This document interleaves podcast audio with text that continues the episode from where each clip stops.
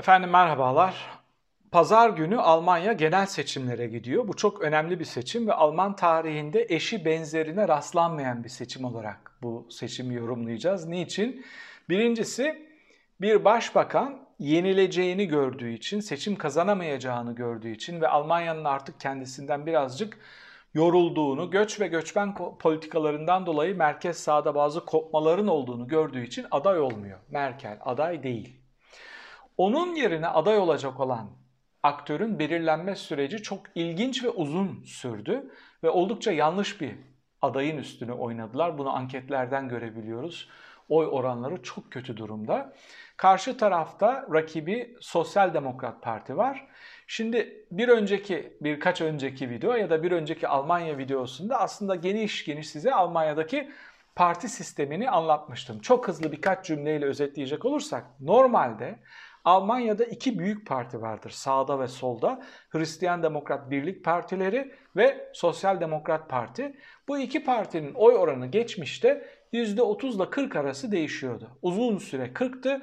Daha sonra yeni partiler kurulup meclise girmeye başlayınca bunların oy oranları düşmeye başladı. Almanya'da ülke çapındaki e, baraj, seçim barajı %5 %5'i geçtiğiniz zaman milletvekili çıkartabiliyorsunuz.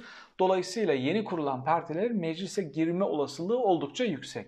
Bunu ilk başaran, geçmişte zaten başından beri liberal parti vardı. Yatırımcıların, işte zenginlerin diyelim partisi. Onlar hep %5 ile %10 arası değişen oy alıyordu.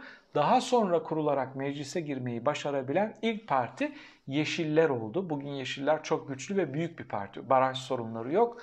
%15 ile 17 arasında oy oranları olduğu iddia ediliyor. Ve ama iki tane parti, hiç hesapta olmayan iki tane parti barajı aşıp %10 baremine oturduğu için ikisinin toplamı %20 yapıyor.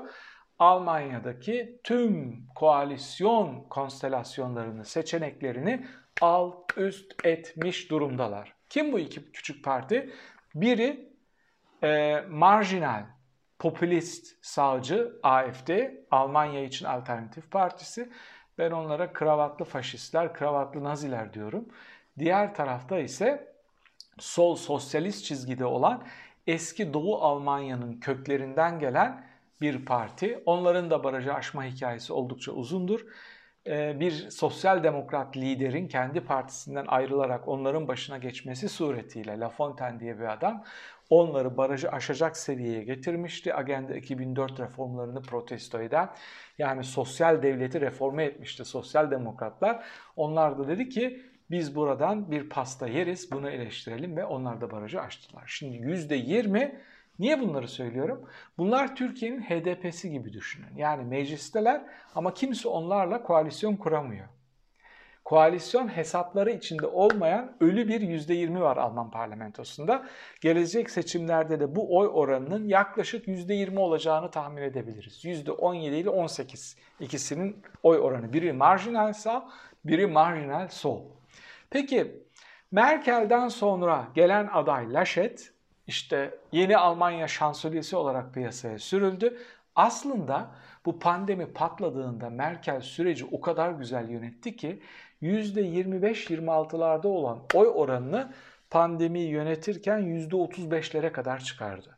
Yani anne Merkel her şeyi düşünen, risklere giren, önce sağlık diyen, parayı ikinci plana atan Merkel partisini uçurdu. Yani o gün dese ki tekrar aday oluyorum seçilecek. Ama çekileceğini söylediği için tekrar aday olmadı. Aday belirleme sürecini hiç iyi kullanamadılar. Önce partinin başına AKK diye birini geçirdiler. Annette Kramp-Karrenbauer çok başarısız oldu. Şimdi Milli e, Savunma Bakanı. Daha sonra Laschet ve Söder'in yarıştığı bir başbakanlık yarışı vardı. Ondan önce parti başkanlığı için Laschet ve Merz yarıştı. Laschet kazandı. Laschet şu anda Hristiyan Demokratların adayı olan Laschet güçlü bir aktör değil. Ve oy oranlarını kademe olarak düşürdü. Rakibi olan Söder, Bavyera Eyalet Başbakanı aday olmuş olsaydı belki çok daha yüksek oy alacaktı. Ama seçimi çantada keklik gördükleri için, nasıl olsa oylarımız üstte diye gördükleri için o oy oranı %22'lere kadar geriledi. Şu anda aktüel olarak öngörülen %22 gibi bir oy oranı var Hristiyan demokratların. Sosyal demokratlarda tam aksine böyle çok da karizmatik bir lider olmayan hatta kendi partisinin genel başkanlık yarışını kaybetmesine rağmen sosyal demokratların başbakan adayı olarak piyasaya sürülen Almanya'da böyle bir gelenek var. Parti genel kurulları bir başbakan adayı belirliyorlar. Yani genel başkan otomatik olarak başbakan adayı olmuyor. Bunu size daha önce anlatmıştım. Sebebi şu. Bir sürü eyalet başbakanı var. Bunların başbakan başarılı insanlar. Başbakan adayı olması için illa gelip partinin başına geçmesi gerekmiyor. Bir despotluk yok. Parti genel kurulları bir araya geliyor.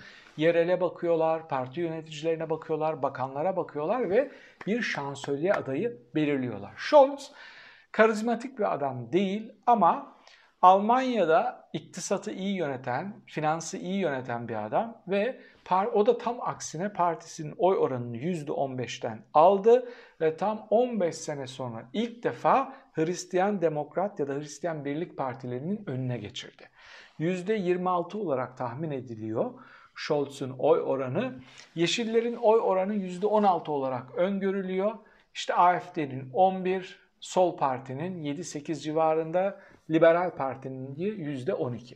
Şimdi buradan ne çıkıyor? 1. İlk defa Alman tarihinde iki parti ile koalisyon kurulamıyor. En büyük iki parti bile bir araya gelse şu dağılıma göre yetmiyor. İlk defa Almanya 3 partili koalisyona muhtaç, mahkum. Peki bu 3 parti kim olacak? Hiç kimse bilmiyor. Oy oranları farklı çıkabilir mi? Yanılabilir miyiz bu oranlarda? Yanılabiliriz. Niçin? İlk defa seçimlere birkaç gün kalmış olmasına rağmen kararsızların oy oranı %40. İlk defa Almanya'da insanlar partiye bakarak değil de lidere bakarak yani ağırlıklı olarak lidere bakarak oy veriyor. Dolayısıyla pazar günkü seçimler sürprizlere gebe. Ama daha büyük sürpriz şu.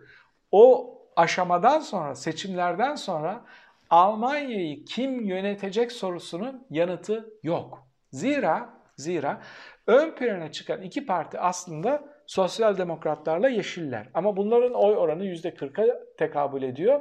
Almanya'da oy oranlarına nispeten bir milletvekili seçimi e, sayısı kazanabiliyorsunuz. Dolayısıyla biraz üstüne çıkabilirler ama e, hükümet kuracak çoğunluğu elde edemiyorlar. Ya bir azınlık hükümeti kuracaklar, bir parti onları dışarıdan destekleyecek, sol partinin de o hiç kimsenin e, koalisyona alıp yönetmediği, birlikte olmadığı sol partinin de dışarıdan desteği bunlara yetmeyebilir. O sayıyı tutturamayabilirler. E, kilit rolde olan burada liberaller var.